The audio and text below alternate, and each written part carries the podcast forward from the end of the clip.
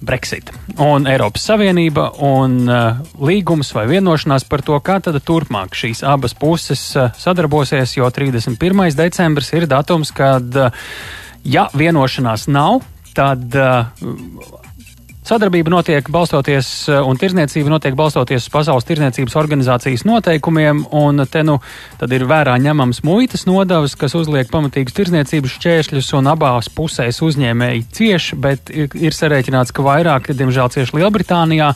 Nu, diemžēl būtu abās pusēs. Francija tikmēr pēkšņi ir pavēstījusi, ka šim potenciālajam vēl nenoslēgtiem līgumam varētu uzlikt veto, ja tas nebūs gana labs. To visu vēl vairāk mazliet sarežģīja tas, ka pat ja izdodas vienoties, tad līdz gada beigām šīs līgums ir jāapstiprina visu dalību valstu, visām dalību valstīs. Un Faktiski šobrīd pēdējās dienas un stundas rit uh, tam, lai šo vienošanos noslēgtu un uh, vēl pagūtu arī formāli visu iedarbināt. Kāda tad šobrīd ir situācija ar Brexit un vienošanos, ko nozīmē šis Francijas paziņojums par iespējamo veto, ja tai nepatiks vienošanās ar apvienoto karalisti, cik tas ir reāli iespējams, ka šāds veto arī notiek, pat vēl nesot tagad vienošanai. Mēs pirms brītiņa, vēl pirms raidījuma sazinājāmies ar Kārli Kovski, Latvijas ārpolitikas institūta direktoru vietnieku un Stradiņu universitātes docentu. Viņa prāt, Francija šādu intrigu. Nu, veto uzlikšana ir maz ticama, jo pati Francija nemaz nebūtu ieinteresēta šāda veida veto, jo muitas tarifi kas eh, iestātos eh, bez vienošanās gadījumā tieši skartu pašu Francijas uzņēmēju biznesu, un reāli Francija vairāk to kā politisku spēli spēlē. Jo tāds eh, viens uzskats, tā eksperts Kārlis Bukovskis, bet Latvijas ārpolitikas institūta pētnieks Aldis Austers pie mūsu klausos šobrīd. Labdien! Labdien! Piekrītat kolēģim, vai ir kādas nianses, kas tomēr būtu jāņem vērā? Um, principā jau taisnība ir. Es domāju, es piekrītu Kārlim, ka visticamāk, ka veto netiks uzlikts. Um, bet nu, jāsaprot tas, ka sarunas iegājuši fināla stadijā un uh, šobrīd abas puses um, principā tiek izdarīts spiediens uz abu pušu vedējiem um, nepiekāpties. Tāpēc arī ir vērojama pozicionēšanās gan Lielbritānijas pusē, gan arī Eiropas Savienības pusē. Uh, pieaug nervozitāte. Ja būtībā ir atlikušas nu, teiksim, tā, dažas dienas, lai pabeigtu šīs sarunas jo nu, šis termiņš diemžēl pienācis, kad vairs ilgāk ilgt nevar. Mm. Un, nu, jā, tiek izdarīts spiediens gan uz Mišelu Barņē, gan uz Lielbritānijas sarunvedējiem nepiekāpties, ieskaitot arī Boris Džonsonu. Un uh, Boris Džonsons, kā jau politiķis būdams, viņš arī vēro, kāda ir sabiedrības reakcija uz uh, variantiem, ja šīs vienošanās ir vai nav. Jā, tas spiediens nevar kaut kā atspēlēties, ka beig beigās kaut kur kāds vādzis lūst un tiešām uh, kaut kas uh, apstājas un nav nevienošanās, ne ratificēšanas. Diemžēl nu, tādu situāciju nevar izslēgt pilnībā. Viņiem maz ticam šobrīd. Es domāju, ka vienošanās būs. Tik jautājums, cik viņa kvalitīva būs. Vai tā būs minimāla vienošanās, lai novērstu hausu uz robežām pēc uh, 31. decembra vai arī tomēr tā būs vienošanās, kas atturēs nozīmīgs princips par tālāko sadarbību pēc, eh, pēc 31. decembra. Kuri apstākļi, nu, protams, ka mēs visu nevaram zināt, bet uh, kuras pazīmes jums liecina uh, par to, ka tā vienošanās, lai vai kāda, lai vai cik kvalitatīva vai nekvalitatīva, bet tomēr būs?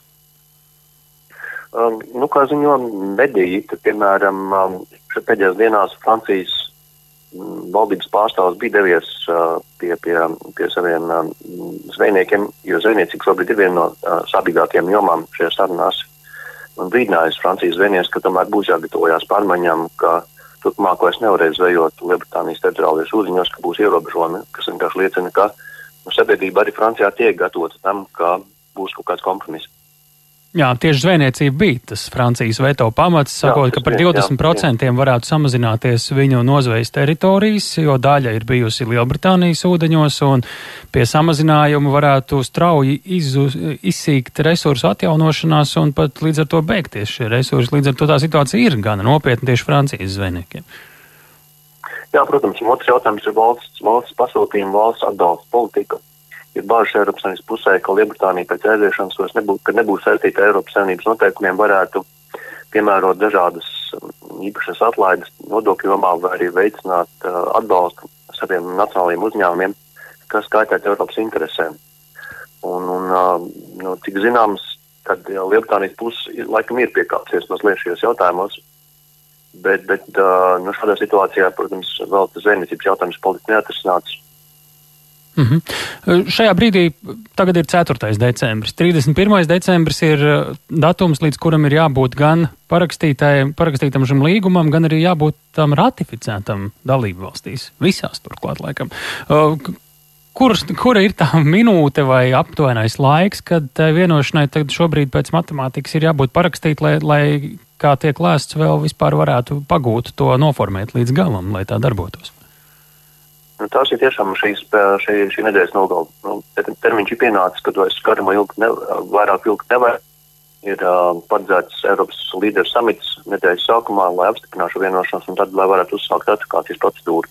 Protams, ka var jau vienmēr pātrināt, un šī vienošanās tomēr ir ļoti nozīmīga. Un tā lielā mērā ietekmēs Lielbritānijas un Eiropas Savienības attiecības tālākā nākotnē. Un, un, uh, Tomēr Lielbritānija ir lielākais eh, tirdzniecības partners Eiropas Savienībai.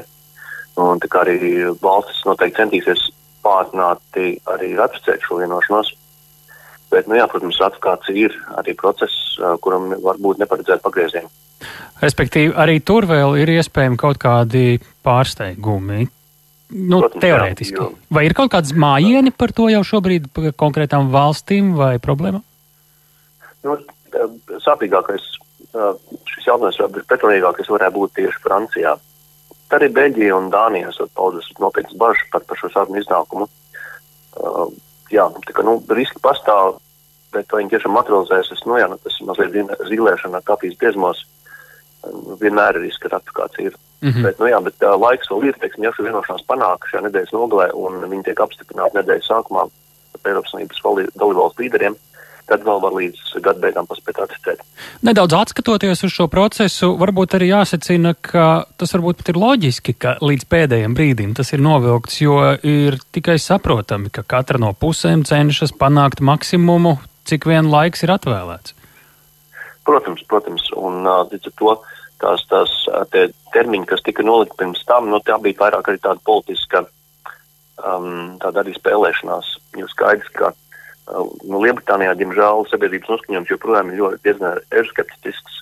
Un tie vēlētāji, kuri balsojuši par Borisu Džonsonu, viņi joprojām vēlas, lai mm, ka, viņi uzskata, ka Lielbritānija nebūtu jāpiekāpjas.